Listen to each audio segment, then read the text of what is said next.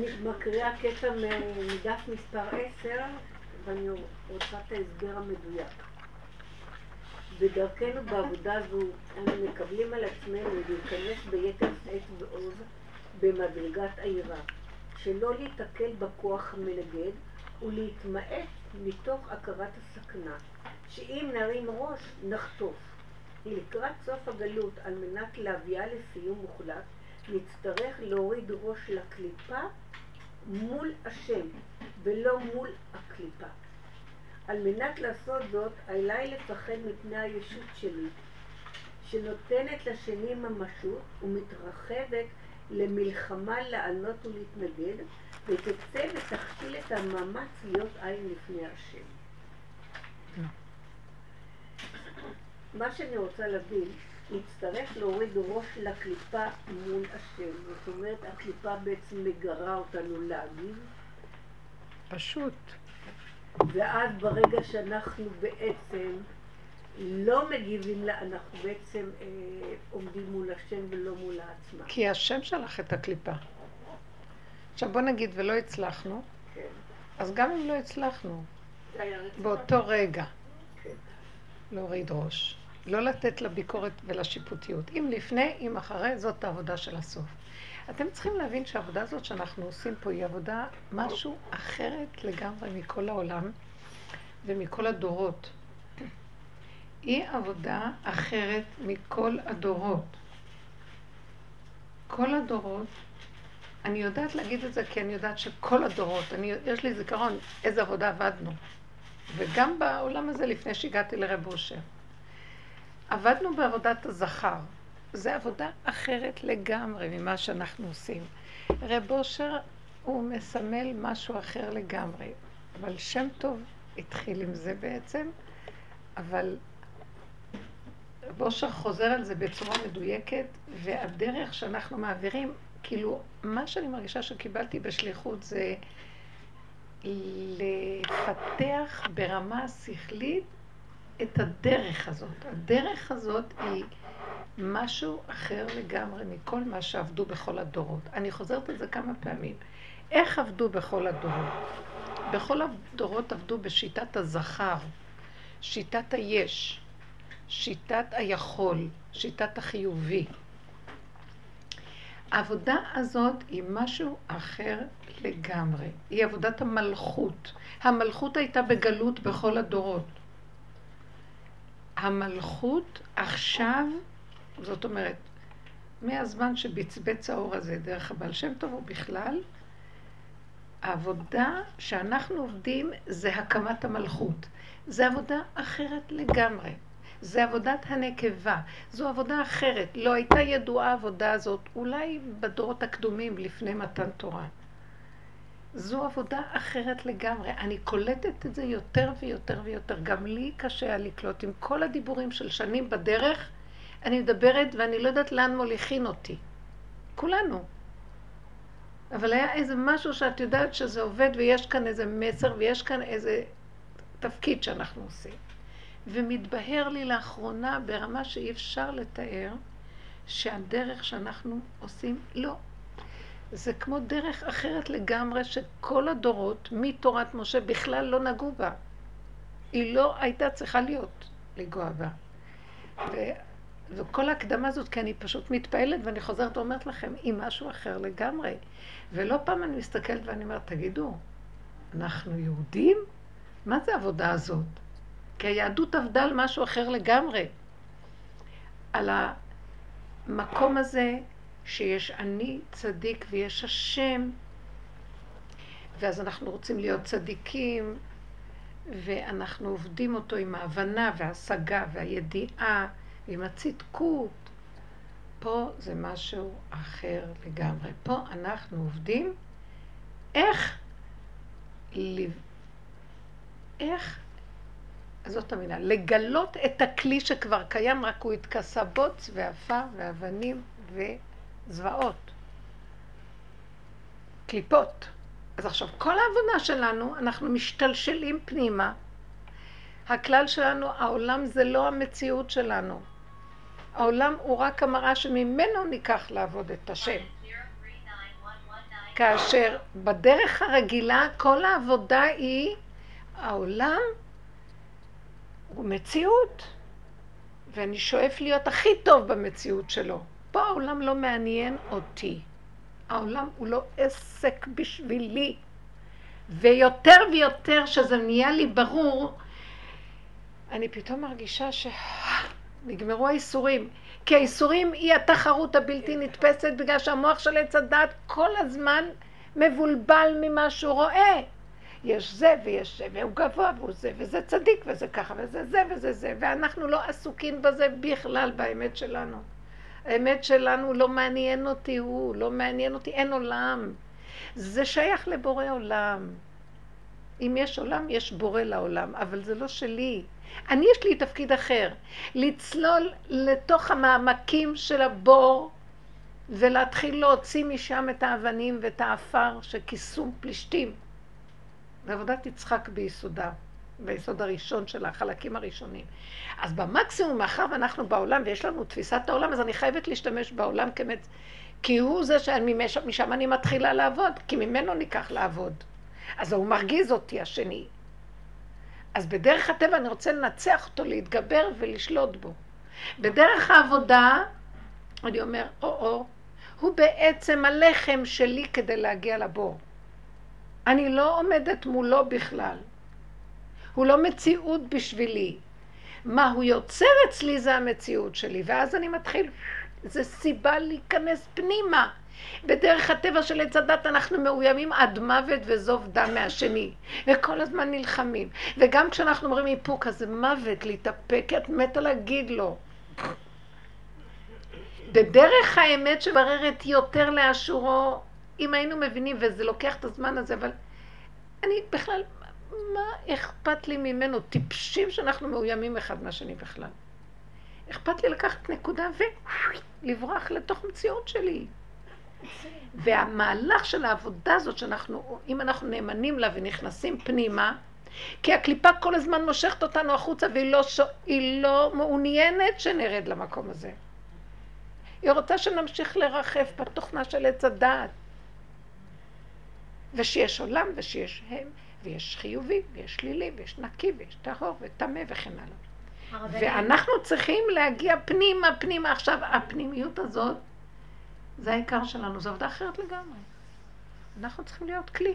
כלי. מה זה כלי? כלי כלה ונפסד. זה לב. אנחנו עכשיו נכנסים לתוך הלב שהוא עקוב, מלוכלך, אנוש, ואנחנו מתחילים לשחרר. זה הנקודה הזאת והנקודה הזאת. זה, זה ההוא רק מראה לי, וטק, טק, טק, טק, טק, טק, טק, טק, טק. אני לא הוצאתי את הזה של קורח, אני רוצה להגיד לכם, למות, למות, המאבק שהיה לי שבוע שעבר על הכתיבה הזאת, כאילו הרגו אותי. אני נאבקת על הדברים האלה, זה לא, זה יוצא. אני מתה. זה עוד פעם ועוד פעם ועוד פעם, ואני מוחקת ועוד פעם ועוד פעם. ואז קצת אושרית הייתה איתי ביום חמישי, תשע, עשר שעות ישבנו, לא הצלחנו להוציא כלום. אני יוצאת דפים וניירות ותמחקי ונעשה ועוד פעם ועוד פעם. ואז הבנתי שזה גופה את העבודה. כבר אם יצא לא יצא זה כבר לא חשוב, זה להיאבק עם הקליפה של קורח בעצמו, ששוכב בתוך אדמת בשרנו, פה.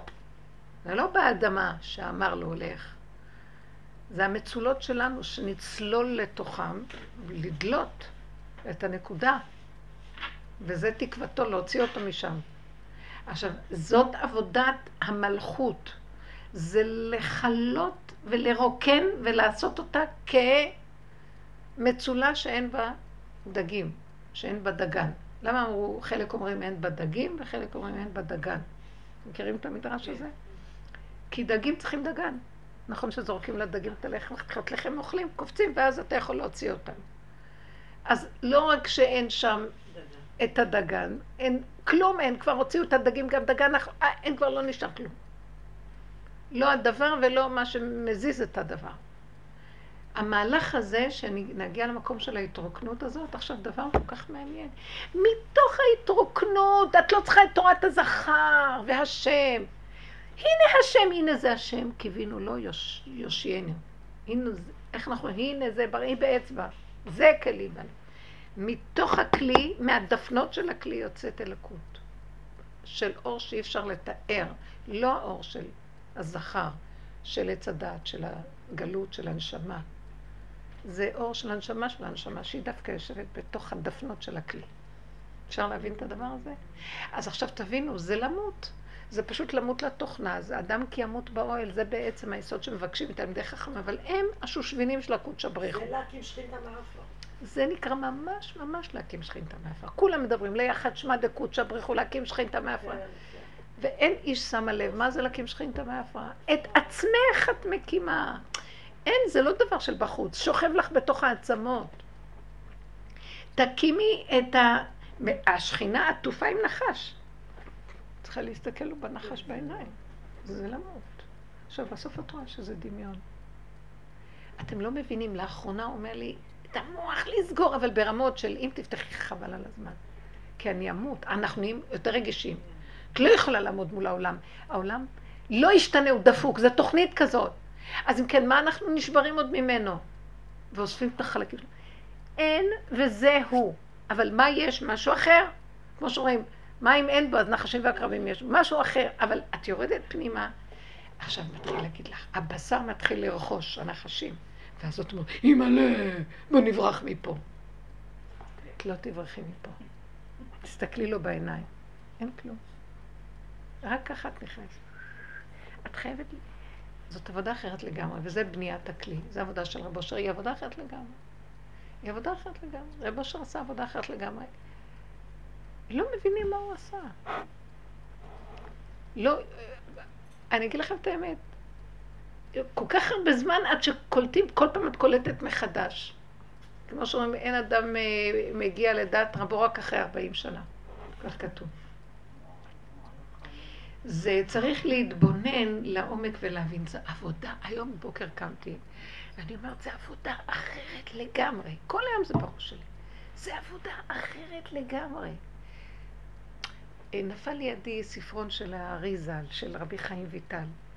ואני, אני, אנחנו ש, ש, שייכים לשושלת של הארי ז"ל. אני, מקטנות, הארי, אצלנו בבית אבא שלי מקובל. הארי זה היה, זה בעצמות שלי. וכל הדרך, בסוף כאילו אני מרגישה שכל הזמן עבדתי באורות שלו, ואחר כך הוא הוריד אותי, ועד שהגעתי לרב אושר. עכשיו, כשאני מגיעה למקום הזה, פתאום אני מסתכלת ואני אומרת, אבל זה השליחות של הארי ז"ל, ששלח אותי מהאורות האלה להגיע לכלים הכי נמוכים. זה גוף הכוח הזה שמשם תורידי עד לעומק. זאת האמת לאמיתה שאין אחריה שום אמת. כי שמה זה לא רק להקים שכינתה. כל המפתחות של כל הבריאה בידיים של השכינה. השכינה זה הקדוש ברוך הוא. זה לא שכינתה וקודשא בריחו. קודשא בריחו זה כוח שהוא נתן, בוא נגיד, הלבנה והחמה. אבל החמה והלבנה זה דבר אחד. בתוך הלבנה יש את החמה. הכל ממנה, כל המפתחות מסר בידה. ברגע שאת מגיעה לנקודה הזאת, משם מתגלה הכל בכל מכל כל. ולא כמו שעץ הדת אומר לנו, שם, שם, שם זה מדרגות. אין מדרגות, זה הכל אחדות הבורא. השכינה זה, זה הכלי ששם שוכן האור של הקודשא בריחו. אז השכינה זה לא מציאות, השכינה זה המלכות. והמלכות זה הכלי שהשם יושב בו. ככה אני יכולה להגדיר את זה. אנחנו צריכים רק לדאוג לבנות את הכלי. כל השאר מאליו יקרה. אם אנחנו בונים את הכלי והכלי נהיה ריק והוא צלול, מיד כל אורות שבעולם נכנסים בו. מתוכו, מיני ובי, נובע, נחל נובע מקור חוכמה, מתוכו נובע. זה דבר גדול. אנחנו עושים משהו אחר לגמרי. עכשיו, כל השיטה, למה הספר הזה שהתגלגל, אז אני נזכרת שאלה היו תפילות שהיו שגורים בפי, רצון שתכפר לנו על עוונותינו, כל, ה, כל האי רצוני וכל העבודות, ובאמת, כמה עבדתי בזה, וכמה היה לי כזה, וכמה הצדקות הזאת, והתפילות האלה. וה... אני לא יכולה להתפלל ככה.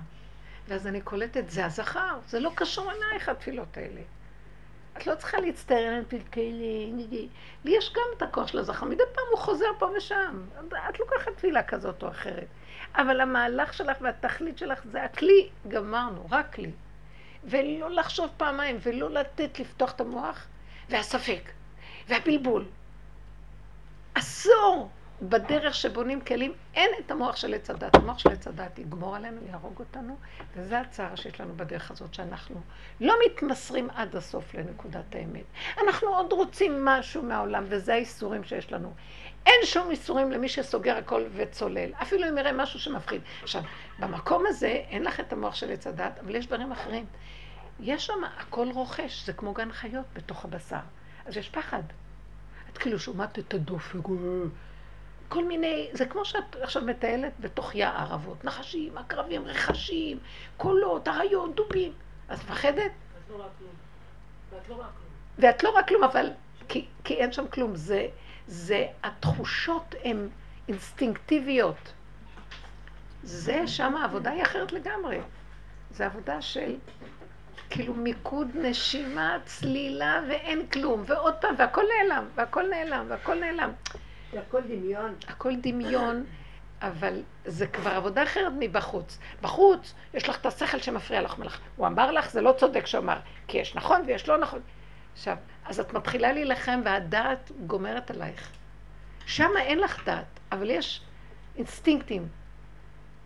אה, יש תוואים, יש כוחות. פח, דם זורם.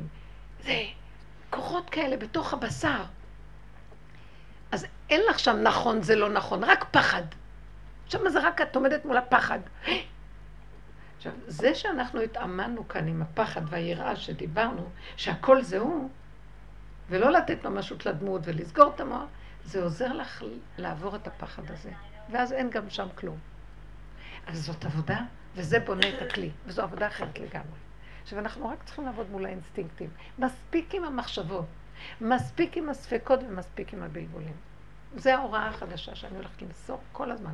די, אין כלום, לא, את מתחילה להתבלבל, תסגרי, תעפפי ותגידי, מחדש, שברו את הכלים, לא משחקים, לא... להפריע לזה, להפריע לזה, הבנתם? לא לתת לזה, ואחד ועוד אחד שווה. לא אין אף אחד, אין דמויות, אין כלום. אני לא רואה את הבקבוק, לא ראיתי כלום. אני לא רואה את זה, לא ראיתי, לא טעמתי, אין, אין, לא להיות בריחוף, במחשבות, בריחוף. פעלתי מהכלה שלי, הייתה אצלי השבת, זאת הכלה החדשה. אז אה, ישר, טוב ככה, תראי, היא אמרת לכם שהיא דור שלישי יש לה דרך. אז היא מדי פעם אומרת לי, הו, הריחוף הזה, היא אומרת לי, כל הזמן אני מנסה להשתחרר ממנו, וכל הזמן מרחף לי המוח. היא, היא עובדת. תקשיבו, זה כל כך שימח אותי, אמרתי. הריחוף הזה מפריע להיות במלכות, כי אלה, האנשים האלה, הם כמו בהמות שם, אלה של בית צבא.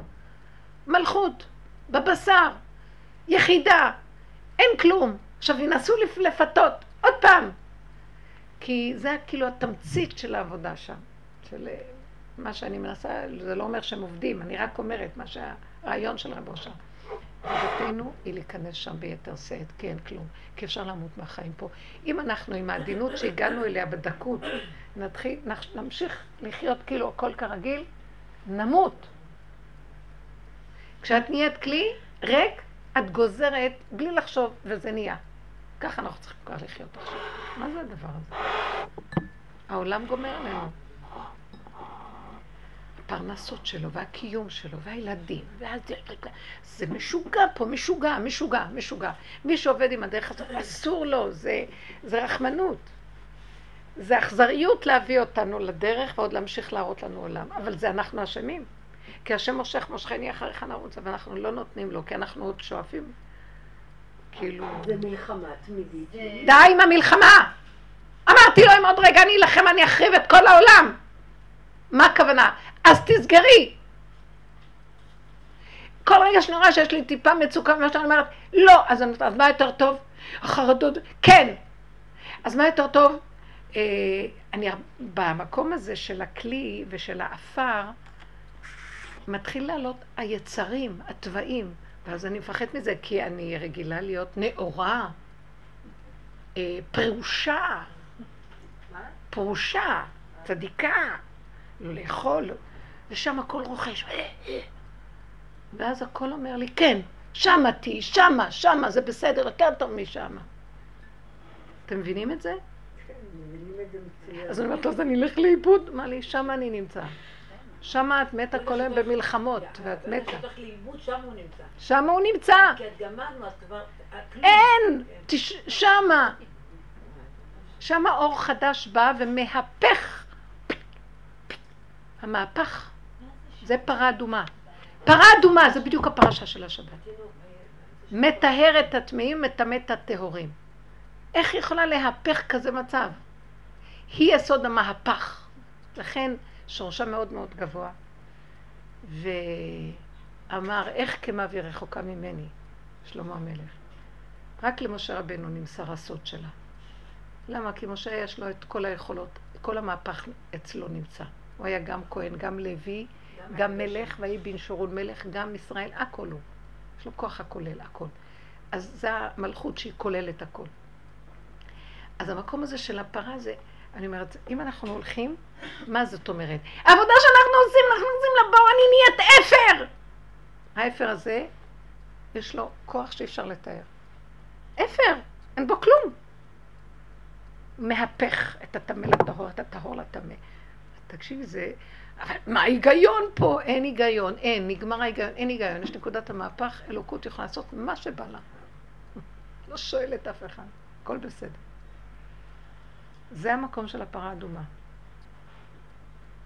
מה שאנחנו עברנו, זה בדיוק העניין של פרה אדומה, התהליך שלה. אני זוכרת, אני עברתי שהשם טימא את הטהור, אני הייתי טהורה, טהורה, צדיקה. הדרך הזאת עשתה אותי גנגסטר, איך אומרים? וואחד גנגסטר. עכשיו, איפה שאני הולכת בעולם, אני פוגשת כל מיני גנגסטרים, נשמות נפולות, הם נהיים טהורים, ואני נהיית אה, טמא. מטהר את הטמאים ומטמא הם המלך. אז זה המקום, כי ברגע אחד הכל מתהפך, וזה בסדר גמור. העיקר שתשארי בנקודה, כי זה יסוד המהפך. זה מאוד נפלא הדבר הזה. ואנחנו בסוד, הסוד של כל סודות הבריאה זה יסוד של המלכות, ושם כל האורות הכי גבוהים, ושם זה תקוות ישראל, החמדה הגנוזה בכל הדורות. וישראל הולכים לכיוון אחר, למעלה, למעלה, למטה, שזה שם, שם, שם. עולם הפוך. אשרי מי שזוכה לדרך, אבל התעקשו, כי אם לא זה גם כן מסוכן. כי אנחנו מזגזגים, אז אנחנו לא פה ולא שם ומתים. הבנתם? ואם עד, עד הסוף נשתגע על זה, מה יש לך להפסיד? מה יש לך להפסיד? את כבר לא יכולה לחזור אחורה. גמרנו. רב אושר היה אומר, דרך אחרת אין לנו. הרבנית סיפרה לי איזה... שהכל נהיה בדיוק. סיפרה לי איזה מישהי שילדה, ואז אמרו לה הרופאים שהמצב של התינוקת, זהו, כאילו זה כמה שעות, לא תחיה, השם ישמור. היא נכנסה להיסטריה, ואת יודעת, כל הרופאים באים ואומרים לה רק דברים, השם ישמור. היא תפסה את הרגליים שלה ופשוט נסעה לצדיק הרב ניסים מויאל. והתחילה, איך שהיא פתחה את הדלת, התחילה לספר כל מה שהרופאים אומרים לה, והיא הייתה, היא אומרת לי, אודליה, לא הייתה, מיש, אני הייתי במצוקה של נחשים עקרבים, רעידות בגוף, היסטריה, והרב מסתכל עליו ואומר לה, לזה השם מחכה שתצעקי, תתני את הצעקה, לזה השם מחכה שתתני, והיא פשוט, היא, היא הייתה בהלם מהתשובה, כאילו, כן.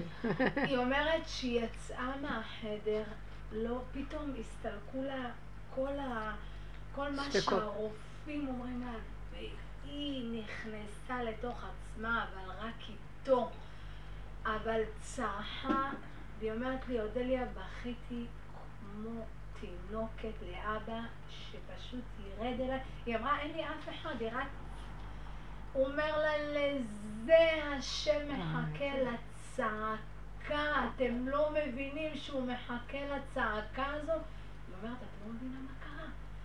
רק נתתי את הצעקות הגדולות האלו מפה, והיא אומרת, בעלי לא רעש, לא יחשבו שאני מפגרת. היא ברחה מכולם, שלא יחשבו שמשהו... כן, זה יודעת, שלה הולך ליערות לצעוק.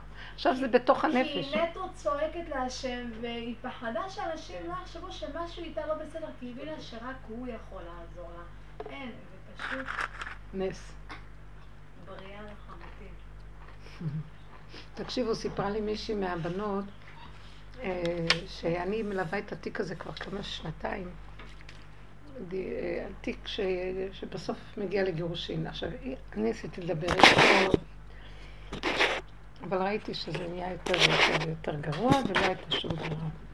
בית הדין, שנה, שנתיים, ממש עינוי הדין, מסרבים לשמוע אותה, כל פעם אולי שלום בית, אולי שלום בית, אולי שלום בית.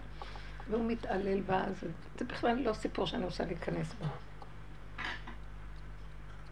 אז וכל פעם שהיא הולכת לבית הדין, אז לקחה עורכת דין, כל הזמן יש פגישות עם בית הדין, חוזרת בפחי נפש, הנשמה יוצאת לה, היא נגמרת. אי אפשר לתאר איזה... מה, אני לא אכנס לסיפורים. דוחים אותה. אמרתי לה, את צריכה להיכנס לתוך עצמך, כמו שאת אומרת עכשיו. ולקחת את הכאב הכי גדול שיש לך, רק לצעוק להשם ברמות שיתפקקו לך כל העצמות. תגידי לו, אני מתה, אני הולכת למות, אל תדלגי על זה, והריחוף לא נותן לנו. הוא מביא לך קצת ככה וככה, ו... תיכנסי בשיא ה... היא אומרת שהיא הלכה לדיון האחרון, והדיינים עוד פעם מתחילים. היא אומרת כבר, הנשמה יוצאת לה. זה עינוי הדין שאי אפשר לתאר. הוא מתעלל בעלה. ברמות שאני לא רוצה להיכנס לפרטים. בקיצור, הדיינים אומרים, טוב, ננסה עוד פעם שלום בית. היא נכנסה, פתאום היא אומרת, זכרתי מה שאת אמרת לי, הדהד לי במוח, פתאום שם באמצע בית, בית הדין, באמצע בית הדין. היא אומרת, אני, אני כאילו שומעת את הדיין עוד פעם אומר, וכל פעם הם אומרים, ועוד פעם ועוד מעט תהיה להם פגרה, ועוד פעם הם יוצאים, גמרו לי להיות פגר מובס כבר, אני לא יכולה. ואז היא אומרת, פתאום נכנסתי לתוך הנפש שלי, ואני החלטתי שאני עושה את מה שאת אמרת לי, אבל פה. עכשיו היא יושבת ככה נכנסת, והיא קמה והיא עושה, אבא, אף אחד לא קיים פה. אין אף אחד, אין אף אחד, אף אחד לא מבין אותי, הם לא קיימים, אין עולם, אין עניינים, אין דיינים, לא מבינים, הם בכלל לא כאן, אין מי שיעזור לי, רק אתה. והתחילה לצעוק, רק אתה, רק אתה, אין, אתה לא מבין, אבא, אם לא תעזור לי, אני אמות, אני אמות. אני אמות, יקרה לי משהו, אני אמות, אני הולכת למות. אתה לא מבין? וכולם הדיינים היו עמומים. בבית הדין ככה, אין דיינים, הם לא מבינים בכלל. דיינים, הם מרחפים, הם עופפים, הם לא יודעים בכלל מה עובר עליי בנפש, אני מתה כמה, מתה כמה, מתה כמה, רק אתה רואה באמת, רק אתה רואה, תעזור לי, תעזור לי, רק אתה... תקשיבו, בבית הדין, יש עניין לא, לא לבזות בית הדין. כאילו דיברה אליהם, היא צועקת. והיא דיברה כאילו, אין דיינים, מי בכלל, אין צדק, אין יושר, אין כלום, מה לא יצא לה בפה? הם היו המומים, ובסוף היא צמחה. עכשיו הם ממש השתתקו כולם, זה היה תדהמה בבית הדין, כי היא לא עשתה הצגה. כל, ה, כל הכאב יצא לה, וכבלם וכ- ועדה. ואז אה, הם אמרו, טוב, טוב, ביום ראשון תבואי, אנחנו מזמנים את, ה... את הבית הדין ביום ראשון, וזה, זהו, יצא. אמר לי, תתפללי שלא יהיה עוד פעם איזה מה... זה היה שבוע שעבר, היא סיפרה לי את זה. אמרתי, מה שהצעקה הפנימית של האמת יכולה לחולל, אם אנחנו נוגעים בנקודה באמת. הרבנית, וזה מה שהוא אמר לה, אתם לא מבינים שהוא מחכה שתצטרכו? זה מה שרבו אושר אומר, אבל זה עשינו כבר הרבה. כן, כאילו... אני זה אמרתי לו. כבר, אני הייתי אומרת לו, צעקה ממני גם לא תקבל. כאילו, אתה מחכה שאני אצעק, אתה מת על הצעקות שלי, אבל אני כבר, אין לי כוח לתת לך גם את מה שאתה מת. אני כל הזמן רוצה לתת לך הכל, גם אין לי כבר כוח לצעוק. בלך דומיה עניתי, תהילה. ישועה כזאת רגעית, לא? תסתכלי, אצלה, פה בסיפור, זה ישועה כזאת של אותו רגע. אנחנו רוצים ישועה כללית. לא. זה רגע, כל רגע זה עניין רגע, שלו. גם כל המהלך של הכלי זה רק הרגע. כל הזמן הוא מחדד לי. המוח רוצה סידור מלא. מה יהיה ואיך יהיה ולעתיד וזה, ועכשיו התוכנית, ואיזה פעולה נעשה ולא... ואילו בכלי, בעבודת הכלי, יש לך רק רגע והוא קטן. ואת חייבת להיצמד רק אליו. ואיתו להתחדש. ולא להזקין אותו בשום צורה ולעשות איזה היסטוריה וסדר. ורק אז תוכלי לסבול ולשאת את המצב, וזהו. ויש לך יכולת, אין איסורים כבר, כי יש רגע וזהו, ורגע וזהו, ורגע וזהו, ורגע וזהו. אז זה רגע של צעקה. יש רגע שאת אומרת, אני לא יכולה לצעוק, ואת אומרת לא, גם לצעוק אין לי כוח. כי את יודעת למה? הצעקה היא כשאת בתוך הסערה. כשאת ברגע נגמרת הסערה. רבותיי, אין סערה. כי רגע ועוד רגע ועוד רגע עושה סערה.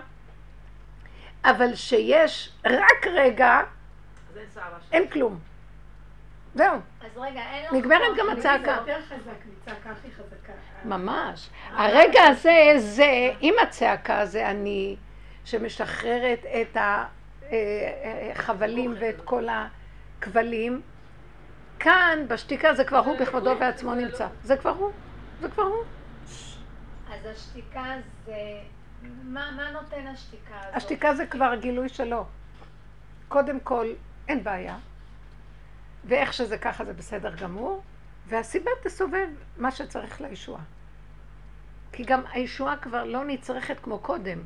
עצם הרגיעות זה הישועה. נכון? עכשיו צריך, עצם הרגיעות זה הישועה, כי זה הגילוי שלו. ואם יש, הנה אני מחובקת איתו, מה אני צריכה עוד? מה חסר לי? אבל יש סביבי צרכים, ואנחנו שייכים גם לעזור לזה, לזה, לזה, אז הוא יביא גם את הישועה. אבל קודם כל זה שצעק והוא בסערה נהיה רגוע. כאילו, היא אמרה לי, אחרי שהצעקה הזאת היה לי רגיעות כזאת, וכבר לא אכפת לי כלום. אז כבר ידע שהישועה תבוא. כי בעולם זה חוזר שוב. אז כן צריכים ישועה. חוזר שוב, אם לא על זה, אז על משהו אחר.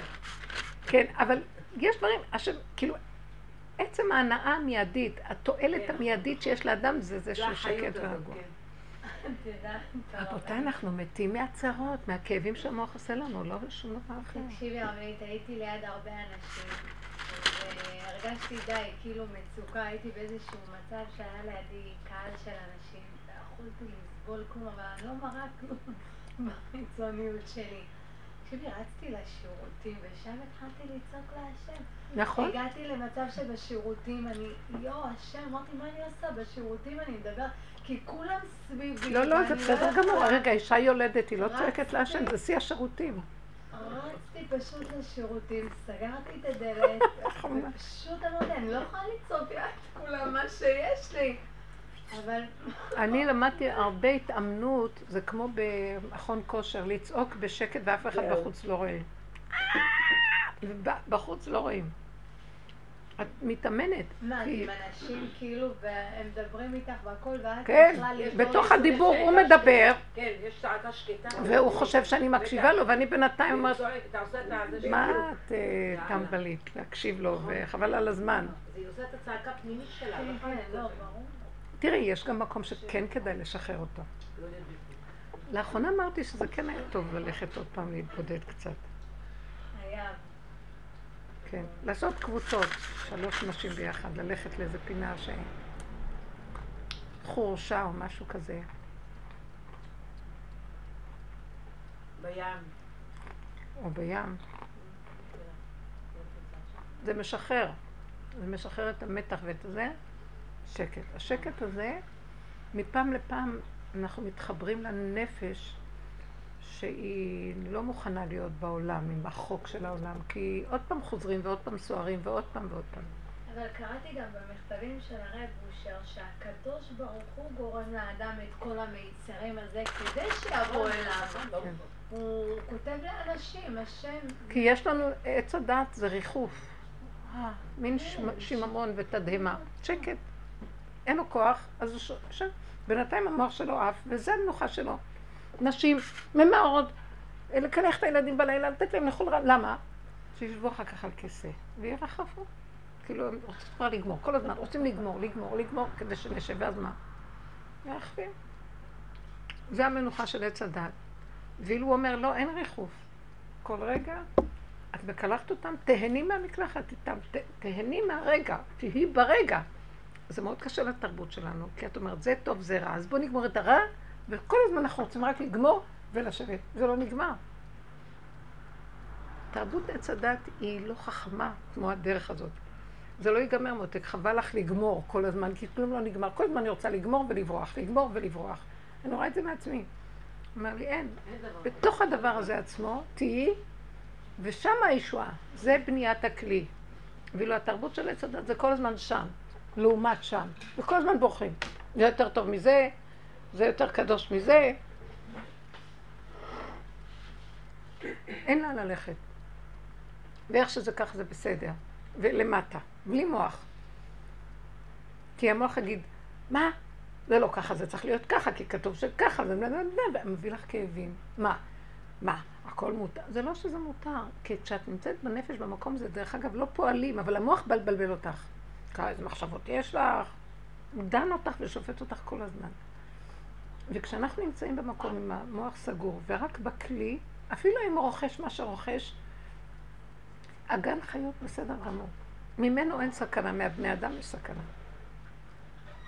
אז זו כל העבודה שאנחנו צריכים להתעקש. עכשיו, מה השאלה שלך? לא, כבר ענית לי.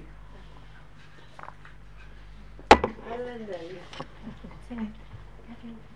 הפסדת הרבה, דליה, את העיקר? לא רציתי להפסיד יותר מזה. לכן כל הכללים פה משתנים, הדרך הזאת, הכללים שלה משתנים. זה, וכמו שהיא אומרת, עכשיו, אם אנחנו בעולם, זה נוצרת לנו מצוקה. כי העולם זה על מנת ליצור חיכוך, מצוקה, כדי שניקח נקודה וניכנס לבניית הכלי. והבני אדם, עץ הדת נותן לנו כל, כלי מלחמה איך להתמודד עם העולם. את לא תמות, יהרגו אותך. אי אפשר להתמודד פה עם העולם. את נגנבת כל רגע. מה שאת לא עושה, רגע ניצחת, רגע תפלי, רגע זה. מעוות לא יוכל לתקון. הכלי זה משהו אחר לגמרי. נכון שאת צריכה עכשיו לעבור את המעטה של הבשר כדי להגיע לעצמות, ששם זה עצמות, ושם נמצא האור. אבל uh, יותר טוב ממה שהנפילה האינסופית והלוך ושוב. כאילו את קשורה בסזיפיות, במעגל שאת לא יוצאת ממנו. עדיף כבר לעבור את הפרגוד אה, הזה ולצאת. זאת אומרת שבסך הכל, אם האדם מגיע לעין, אין לו, אין לו, אין לו מציאות מש, לעצמו, אין לו. לאט לאט גם אני מרגישה שהוא סוגר, הוא מביא את המוח לשכחה כזאת, שאם באמת, אני זוכרת, אני יודעת בוודאות שהוא הזכיר לה דקה. הרגע הוא הזכיר לי את מה שהייתי צריכה. וזהו, ויותר את לא צריכה כלום. כן, זאת אומרת, אה, הוא, שול, הוא שולט בכלי בוודאות מלאה, מה שמקודם לא יכולת להבחין דברים כאלה. ברור. כן? כי המוח של עץ הדת הוא גדול ורחב, והקשקושים שלו לא נותנים לך לראות את הדקות. כי העבודה... המון הבלים מפריעים. השנים סרוכים. אז אני אומרת עוד פעם, שאם אנחנו מגיעים בעצם לעין, לאפסיות שלנו, כן? אז שם בעצם אין כבר יותר אה, טוב ורע, אז אין יותר שיפוט, אין, אה, כמו שאנחנו אומרים, גיהנום. אמרתי לכם, שם נגמר מסכת האיסורים של האדם. שם, אין אפילו גן עדן. וגיהנום, אין שם כלום, משום ש... אם אתה הגעת לעין, אז מה ידונו אותך? על מה? זה המקום שכל התוכנה של עץ הדת הזאת, ותורת משה שייכת לתוכנה הזאת, היא בשביל שכר ועונש, וזכות וחובה, וזה מה שנקרא, אומר אה, בעל הטורים, זכות אבות תמה, אבל ברית אבות לא תמה. נראה לי שדיברנו על זה פעם. זכות אבות זה כל העניין של שאדם יתאמץ בזכות שלו, לבחור כוח הבחירה, את הטוב מן הרע ואת האור מן הטמא וכן. הברית זה אור כזה שהוא לא קשור בכלל למעשה בני אדם, ואין מעשה בני אדם משנים שם מאומה. מה שלא תעשה, זה לא מגיע לשם מעשה בני אדם. זה י"ג מידות הרחמים, וזה מה שכתוב בפרשת ה... בחוקותיי, שזה פרשת הקללות בתורת כהנים, יש שתי פרשיות של קללות. בספר ויקרא שנקרא תורת כהנים, ובספר דברים כי תבוא. זה בחוקותיי.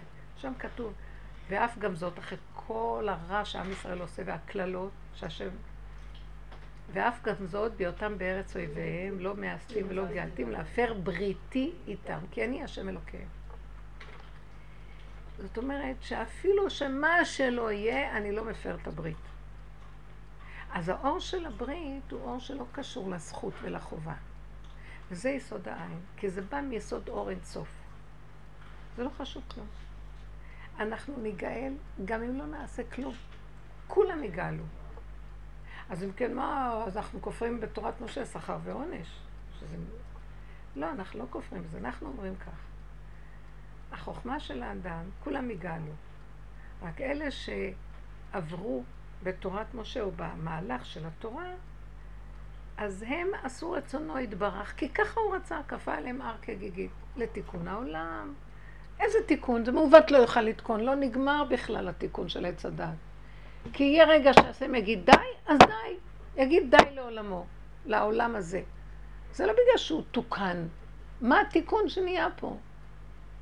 התיקון לא תוקן, אבל האדם יגיד, תעצרו את הגלגל, אין לי כוח. הוא יתפוס את הנקודה של האינסופיות בזה, ואז הוא ייכנס לעבודה שאנחנו עושים, בניית הכלי, לא קשור לצדת טוב וצדת רע, תורת הזכר והיש, הישות החיובית מול השלילית. תעצרו, תעצרו, הוא נכנס עכשיו לחפור בבור, להוציא את האבנים והנחשים והקרבים, ולגוע בקצה השני, שזה יסוד האור הגנוז נמצא שם. נחל נובע, משם נובע האור הגנוז. מקור החוכמה העליונה.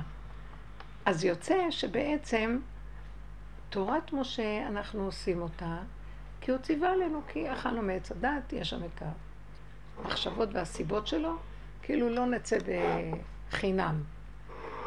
אבל באמת יש פסוק בנביא שאומר, כי בחינם נמכרתם ולא בכסף תגאלו. ישעיהו. פרק מ"ד אני חושבת.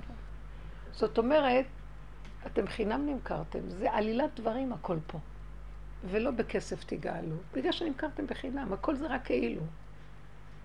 באמת. וזה יסוד הברית. יבוא אור כזה שלא חשוב מה גואל. אז חוץ מזה, למה היינו צריכים לעבור את כל זה? כי ככה. כי השם ציווה, כפה עליהם הר כגיגית. אז מה, אלה שלא, כלום. אתם יודעים שהיום חוזרים בתשובה המון, ולא רוצים לקיים מצוות. הם רוצים, לחזור, יש אמונה, וטוב, הם רוצים להיות טובים, לעשות חסד, והם לא רוצים לחזור בתשובה כמו שהתורה רוצה, סור מרע, עשה טוב. לא מעניין אותם הלכות וזה. כי ככה, כי זו... גם לנו אין, אני אוהבת את מה שאמרת. כי השם כפה עלינו, ואני מצידי גם הייתי בורחת. נכון מאוד. אז למה? כובע. אבל יש מקום שמסבירים גם. אלה ישבו על השולחן ואלה ילקקו את העצמות. יאללה, אנחנו מחפשים לעצמנו איזה עליונות בכל אופן, משהו קצת. כי מה אכפת לנו? קדימה, מה יש? מה אכפת לי שכולם ישבו? אז הם לא עמלו. רגע אחרי ככלות הכל, את לא זוכרת את האיסורים, לא כלום. את רואה איזה עכשיו אה, שודד ששדד בנק והכל יושב לידך ואוכל ונהנה, וכולם שמחים וטובים. מה אכפת לך מה היה? לא היה ולא נברא. זה חשבונות שמיים, מה אכפת לך את? אבל באמת אכפת לי, גם שם אני ארים ראש, והעיניים ואני אגיד, אה, אתה יושב איתי באותה מדרגה. אין שם מדרגות בכלל, באמת. זה מאוד יפה, אבל כן מסבירים ש... אבל רבני, בספר של אבושר הוא כותב שכמו שדוד המלך, אלה שיצאו למלחמה, אז קיבלו את השאלה לפי כמה הם לחמו במלחמות של דוד, של דוד. ואליהו ככה ואליהו ככה, וכל אחד לפי חלקו. ככה הוא כותב, אני לא יודעת. נכון. זה בעץ הדת. אה, זה לא ב... אין הדעת באמת סובלת את מה שאני אומרת. למה שהם יבואו וכלום?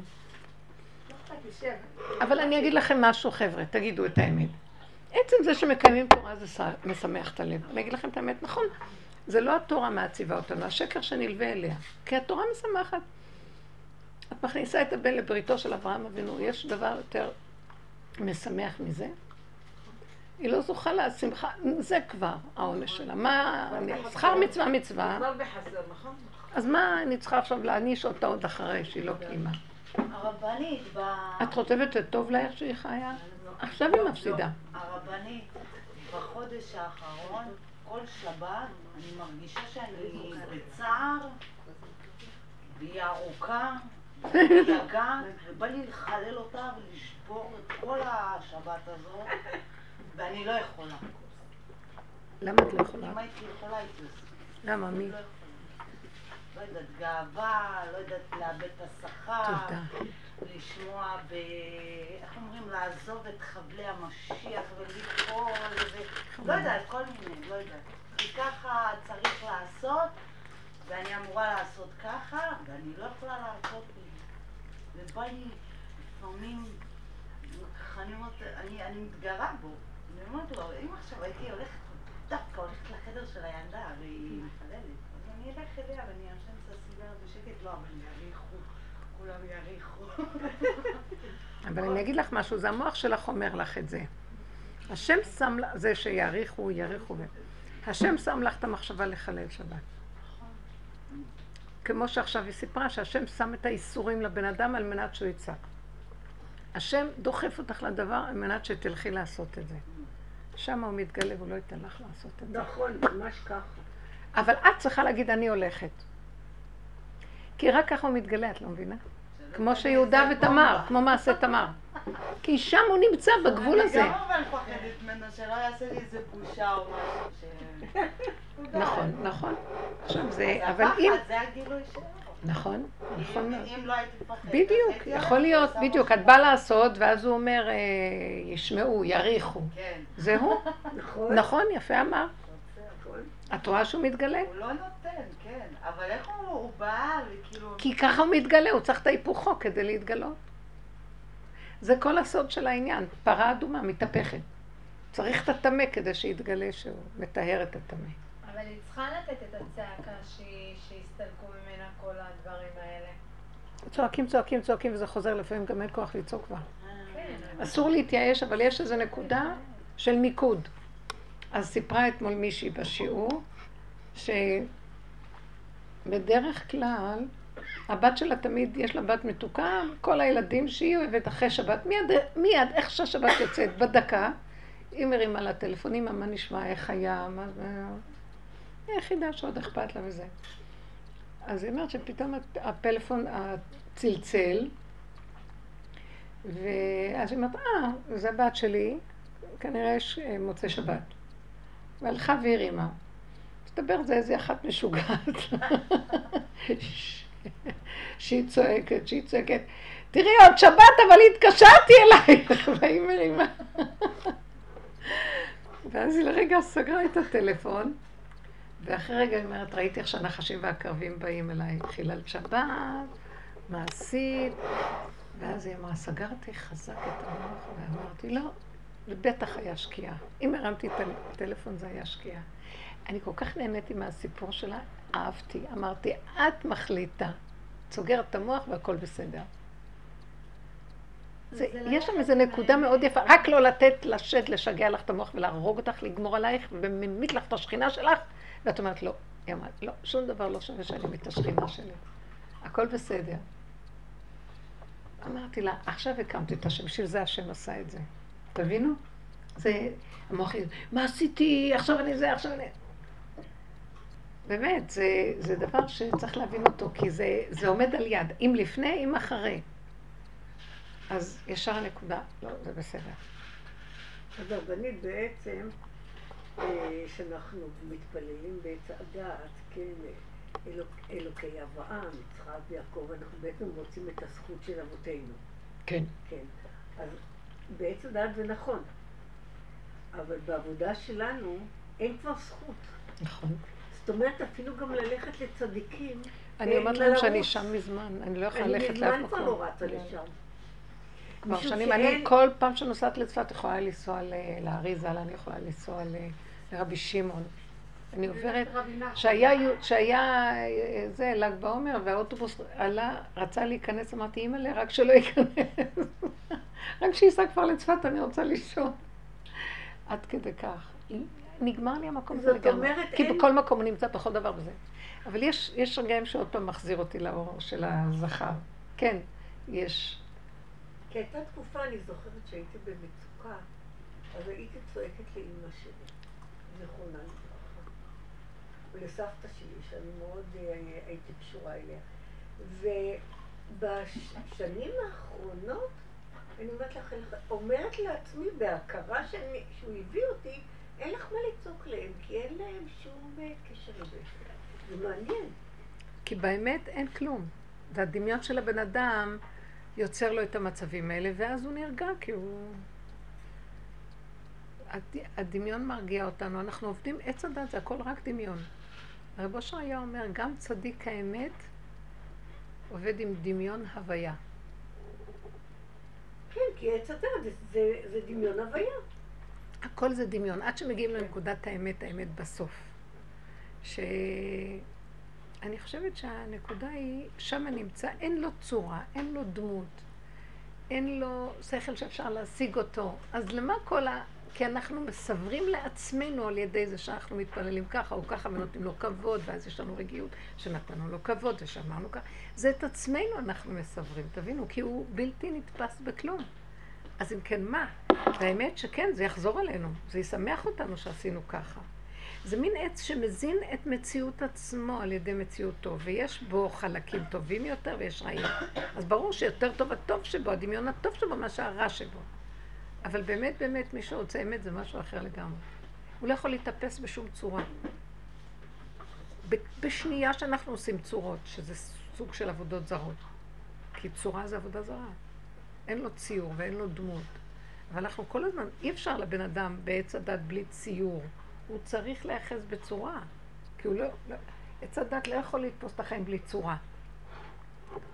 וכאן מבקשים ממך כל רגע מתחדש ואין כלום ואין ואין. כאן מבקשים ממך למוסס את הכול. כן, לא לתת אבל לו הוא- מציאות. הרבנית ממש. הוא מישהו לא. כמוני, אישיות. לא, אני, אני אגיד לכם מה. אני קלטתי, זה מאוד נפלא. וזה מה שדיברנו בתחילת השיעור. אנחנו צריכים לסלק את עץ הדת שכל הזמן עושה ממנו כאילו מישהו, ונותן לו תכונות כמו של עצמו, בדמיון של עצמו. כמו שאני קיים, גם הוא קיים. כמו שלי נראה שאני קיים. אז אני מדמיין אותו, אבל אומרים לי אין לו צורה, אז אני נבהל, לא, לא אתן לו. אבל נותן לו תכונות. הוא גדול, הוא גבוה, הוא חכם, רזים, הוא נפלא, הוא מרומם, הוא, הוא גיבור. כן, כל התכונות של הבני אדם אני מלבישה עליו. זה עץ הדת. ואנחנו אפילו ככה כל התפילות שלנו מסודרות, וככה דוד המלך בתהילים קינה ותקות. באמת לאמיתה, עבודה שלנו על לרדת אחורה, לבנות את הכלי, זאת אומרת, לא להתעסק עם תוכנת עץ הדת, רק היא רק סיבה כדי דרכה לחפור עם עצמי, כי אז אני לא יודע לאן אני פונה. המכה שלה בחוץ הוא סיבה להיכנס פנימה, כן? זה מעליב אותי, אז במקום שאני אענה לו, אני רואה את עצמי. אז זה, זה כאילו, הוא קטליזטור ראשוני להיכנס פנימה. ואז זה מתחיל לצלול, לצלול, לצלול, לצלול, עד שאני מגיעה לעצמות. ומגיעה למה שאמרתי לכם, לבשר, ששם כבר אין את עץ הדת. אם אני אחזיק את הבשר בעץ הדת, אני אלך לאיבוד. שמה, אם אני אתן פרשנות למה שאני מרגישה, אני, החרדות, הפחדים של הבשר, אריות, דובים, נמרים, זה לא שכל שמה. שמה זה רק לעמוד מול המסך הזה של הדמיון, יש שם איזה מסך של דמיון של חיה. כדי להגיע ליחידה, שזה שתי המדרגות הכי נמוכות והן הכי גבוהות בעצם. אז שמה את מאבדת את השכל. אין, אם את תכניסי שכל, השכל נותן מיד צורה, הוא מפרש, הוא נותן צורה, הוא נותן... אסור לתת צורה, כי את נותנת צורה לחרדות, נהיה לך פחד, יכול להיות אריה. אין, את רואה שהפחד, אל תלביש אותו על שום צורה, ואת הולכת דרכו, צריך להיות גיבור, והוא נעלם. במקום הזה את יכולה להתחיל לזהות מה זה השם. אתם יודעים מה קלטתי? קלטתי שמה שיש לי זה רק הכלי שלי. כלום, יש רק דופן, דפנות.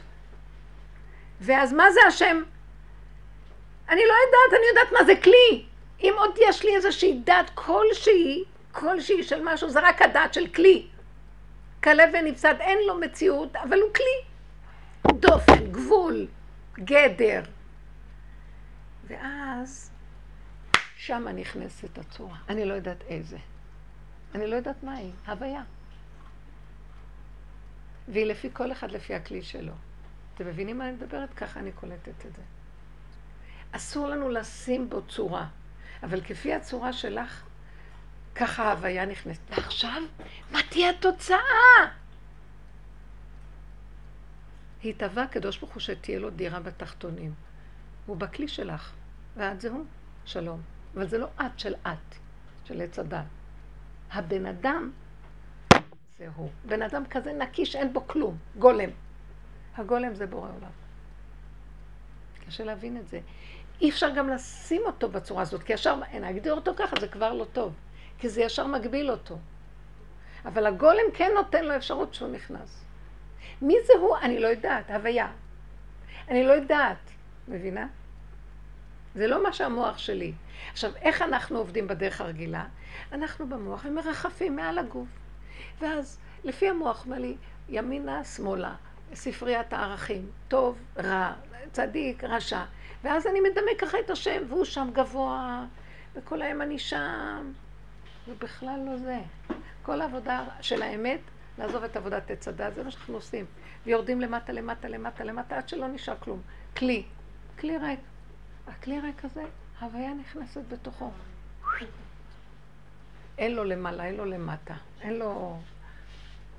הוא לא מקומו של העולם. העולם אין העולם מקומו, הוא מקומו של עולם. לא יודעת מהו. זה בלתי נתפס. אין הדעת משיגה אותו. אבל הכלי שלך מכיל. וזה כאילו בן אדם שהולך, וזה אלוקות מהלכת, ובחוץ זה לא נראה, לא יודעים. גם אותו אדם שככה זה בתוכו, אסור לו שהוא ידע. אם הוא ידע, הוא ישר גונב. זו סכנה, צריך להיות גולם אמיתי. אתם מבינים מה אני מדברת? כן. זה אלוקות. אני לא מוצאת. זה אלוקות שה, שהבן אדם בעולם, כי חפץ הקדוש ברוך הוא שתהיה לו דירה, הוא רצה שנעשה כלי כדי שהוא ייכנס. שיישאר בעולמות למעלה, לא חסר לו דבר. למה הוא צריך את זה? הוא רצה להתגשם דרך האדם. עכשיו, בעבודה של עץ הדת אסור להגשים אותו, אם להגשים אותו זה עבודה זרה. אז אם האני יגשים אותו זה עבודה זרה, אבל אם אין אני ואני רק כלי, ריק, כלי, כלי, מגושם של השם, אורגני איכשהו, זה בסדר. אתם מבינים את הדקות? זה קשה לתפוס, כי מיד המוח, כן, כן. אנחנו משמשים. הדמיון מפריע, אז הדמיון יש תמיד, דמיון כן. ויש רוע. כן. כאילו... כאילו, אני, אני, אני אגיד לכם מה ההבדל. כתבו על משה רבנו שמשה רבנו היה שונה מכל הנביאים. הנביאים, ביד הנביאים אדמה. הם היו מציירים ציור ודמיון, ושם הם לא מקבלים את ה... דרך הציורים והתמונות. ומשה דיבר איתו. משה, הוא לא השתמש בציורים ובצורות. משה הגיע לנקודה של רק הוויה. אתם מבינים את הדבר הזה? עכשיו, את רוצה משהו, את צריכה לדמיין אותו, את צריכה לצייר, את צריכה לחשוב עליו. הוא לא היה צריך כלום, הוא היה ריק לגמרי, וכל רגע אור יורד עליו. בלי שהוא היה צריך להזמין אותו דרך צורה. הבנתם מה אני מדברת? הרבנית, זאת אומרת, זה המקום של ההוויה. משה מדבר, מסמל את ההוויה, הוא הכניס הוויה, מה שלא היה קודם. כן, תמיד יש הוויה, אבל קודם היו עולם הצורות. פה אין צורה. זה דבר שצריך להבין אותו. איזה, מו, איזה כוח היה לו למשה רבנו, לא להשתמש בשום צורה. ואז זה השם נתן לו צורות של העולם.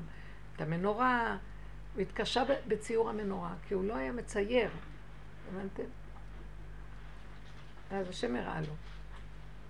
ככה, משה רבנו יש לו, היה לו מהלך אחר. הוא מסמל את המקום הזה של ההוויה, כי הוא בעצמו כנראה היה כלי מושלם. וכתוב, מצאתי כתוב שהוא, אה, משה רבנו השלים את עצמו בשמיטה קדמאי, כך כתוב. שמשה רבנו השלים את עצמו, הוא עשה את כל העבודות בששת אלפים הקודמות. ואז אצלו זה היה הששת אלפים השני, שהוא בא לגאול אותנו, שאנחנו בששת אלפים הראשון. משהו כזה. דרגות. הרבנית מורש כותב שיהודי לא מסוגל, זוכרת, יהודי לא מסוגל להאמין שהקדוש ברוך הוא שוקד לו על השפתיים שלו. קראתי בדיוק את המשפט הזה. כלומר, יהודי לא מסוגל להאמין שהקדוש ברוך הוא פה, על השפתיים שלו, רק נכון. אין כוחנו אלא בפה. אז זאת אומרת שמי שבא ממולך וגם אם הוא מעצבן אותך, זה, זה בעצם הכל זה. לא. הפרשנות של מה שהוא עושה זה העץ הדת וההבלים שלו. זה שהוא, השם שלח את הנתון הזה, כן, זה הנתון זה של השם. מה את עושה ממנו זה הבחירה שלך. כן, יש כזה כמו דבר. הסיפור, מכאן הלל, מכאן הלל. הוא בא, הוא ניסה לעצבן אותו. מישהו אחר היה גומר עליו. כאפה וזהו, ומורח אותו דבר זה. איזה, איזה מהלך זה. הוא השתמש בו לגמרי. ובסבלנות, וב... אז מה, מה עשה הלל? הלל בעצם, היה לו כוח שאנחנו צריכים ללמוד מהנקודה הזאת. הוא אמר, אם אין אני לי מי לי. זאת אומרת, אם אני לא אתן את העבודה עד הסוף באמת, אז אני קשקש דיבורים. בוא, עד הסוף אנחנו צריכים להבין. ברגע שאני מתקייף לי לענות לשני, גמר, נגמר לי הסיפור. ואפילו אם עניתי, אבל מיד לזכור את זה וגם לא לתת ממשות לזה שעניתי ולחזור מיד, אם לפני, אם אחרי, אבל בנקודה ובדקו. אז זה מה שהלל היה עושה. ככה הוא הצליח, שהוא כל הזמן השתמש בו לעניין שלו, כי המטרה שלו הייתה ברורה. הוא רוצה קשר עם השם באמת. אז הוא ניצל את העולם לדבר הזה. איזה דבר נפלא זה. הוא המליך את השם על העולם, אוהב שלום, רודף שלום. דבר נפלא. צריכים להתעקש. תראו, אנחנו באמת, אני אלף אני אומרת לעצמי, מה נתפס לכם עץ הדת? אפילו רב אושר לא הזכיר הרבה את עץ הדת. אני מרגישה שזה בדיוק כל התפקיד שהוא נתן לי לעבוד בו. לפרק את המהלך הזה כדי להביא את הנקודה של האמת. כי התורה היא אמת, אבל כל כך הרבה הבלים התלבשו עליה, ממה שבמשך הדורות. עובדה שגם התלמידי חכמים בעצמם יושבים ומפרקים אותה כדי לזהות נקודה, כי היא מוסתרת נקודת האמת.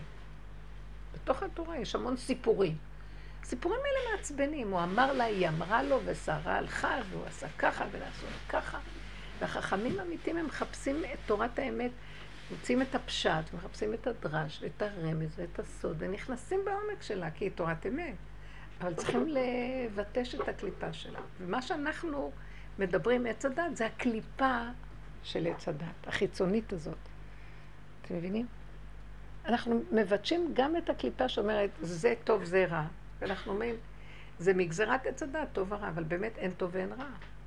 באור של מה שאמרתי לכם, בזכות ובברית, האור של הברית, זה אור שהוא, מעשה בני אדם לא נוגע שם. אז אין זכות ואין חובה. יום כיפור אנחנו מקבלים כולם כמו מלאכים. מה עשינו? לא עשינו כלום. והווידוי דברים שהתוודענו, אגיד לכם את האמת, לא קשור בכלל לאור הזה. האור הזה, גם אם לא היינו מתוודים, היה מכפר עלינו. העובדה שעיקרו של היום בהלכה זה הצום, לא הבית כנסת והתפילות. יום הכיפורים אין עיקרו התפילות. עיקרו הצום. חמישה עינויים. הבנתם? אז הבית כנסת זה נלווה, שאנחנו עומדים, מתפללים ואומרים, אבל האור הזה ירד גם ככה. נמצא שאנחנו מתפללים, כי זה טוב לנו להתפלל ולהגיד. חוץ מזה, האור הזה יזכה לנו הכל. יורד אור כזה מיוחד. לכן, אנחנו רוצים להגיע למקום הזה שכבר נמאס לנו החיוב שלילי והזה והזה, ולהגיע למקום שלא משנה, לא משנה. אז הוא אמר לך, אז הוא עשה ככה, אחרי רגע, לא משנה, לא משנה, לא משנה, בן חורים. מתחיל להיכנס האור הזה החדש, האור הגנוז. והוא מביא עכשיו תודעה חדשה, שלא משנה כלום. מה שהמוח כל הזמן מותנה. אם תעשי ככה, יהיה ככה, אם לא תעשי ככה, אוי ואבוי, ואם זה ככה, ואז כל היום אנחנו נלחמים ורבים ורצים, נופלים, קמים, ועוד פעם ועוד פעם ייאוש. הוא בא ואומר, לא משנה, אתה נושם, זה טוב, זהו. תנשום. והיה כעת שתול על פלגי מים, אשר פריה יתן בעיתו, ועלהו ליבול, וכל אשר יעשה יצליח. כמו כל המלחמות והמריבות והמאמץ והמלא, כל הפרנסות האלה וכל החרדות הקיומיות. אנחנו מתים, מהלכים. בשנייה הוא מפרנס אותנו, ולא חסר דבר בבית המלך. איזה שפע יש בעולם, מה זה הדבר הזה? מה חסר? שפע שלא היה כדוגמתו. מרוב שפע, כי הם רוצים לסדר את העץ הדת שלהם, המדיניות, אז הם זורקים טונות של אוכל לים, כדי שלא יהיה אינפלציה, כדי ש... הזוי. בעץ הדעת, כשנופלים זה שיעוש. בדרך שלנו, כשנופלים ההפך יש שם. איזה מתוקה. אנחנו מציאות של נפילה, בדיוק. התנאי של האור, הגנוז צריך רק על ידי הנפילה. עכשיו, מי רוצה ליפול? אף אחד לא רוצה את הנפילה. צריך לשחרר את התודעה, ואז אין קימה ואין נפילה. כי התודעה, הפרשנות שלה, היא עושה לנו את המוות. אז כבר אני נביא, אני לא רוצה כבר להיות שייכת לתודעה הזאת, כי אני לא יכולה להכיל את האיסורים שהיא עושה. נהיינו עוד יותר דקים, עוד יותר דקים, אני לא יכולה, אני לא יכולה. אז אני מתרחקת. זאת אומרת, טוב, אני אישה כבר זקנה, אז יותר קל לי, כאילו, נראה לי.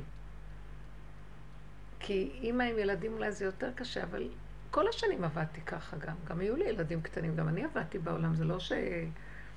וכל הזמן בתוך זה השתדלתי לא לתת ממשות לזה. ולא...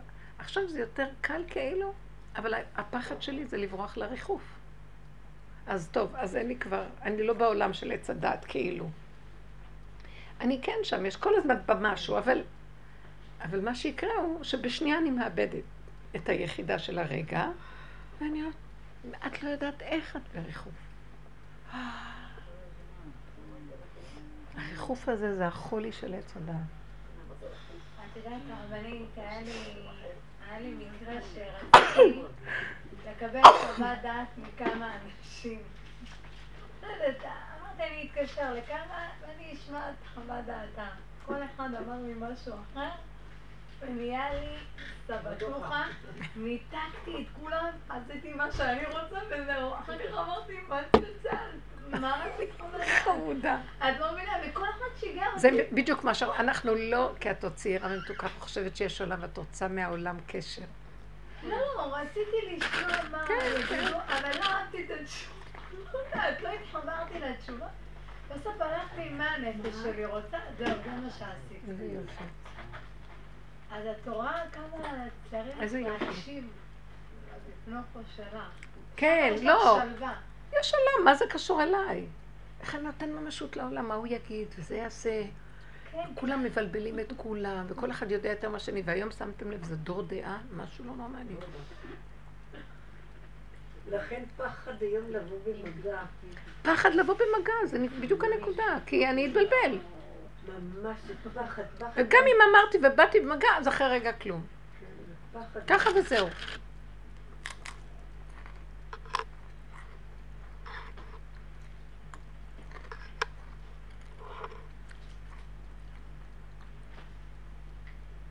אתמול נפגשתי עם הבן שלי, והיה לי עליו משהו, ש... אז ירדתי עליו. מה, ירדת עליו? ואני לא רגילה לדבר איתו ככה. כמה מילים, אבל חזקות, ואמרתי לו, אני מאוכזבת ממך. ואני אגיד לכם, תמיד אני אחזור לעצמי ואני אעשה חשבון נפש ואני זה, ולמה ציירתי אותו ומה אמרתי ולא אמרתי וכן אמרתי, ומה השגתי בזה ומה תכלית ולמה. אחרי רגע לא זכרתי, הודיתי להשם. והתחננתי שזה יעשה פעולה נכונה, כי לא סתם. אני לא, לא רציתי להכאיב, זה לא שבאתי להתנצח ולהכאיב לו. לא יכולתי לשאת את הנקודה, ואמרתי, אתה לא יכול להמשיך ככה. אז ראיתי שזה גם כן השם, וזהו. אז יש קשר, ואם יכול לקרות דבר שתגידי, או שיהיה איזה מה...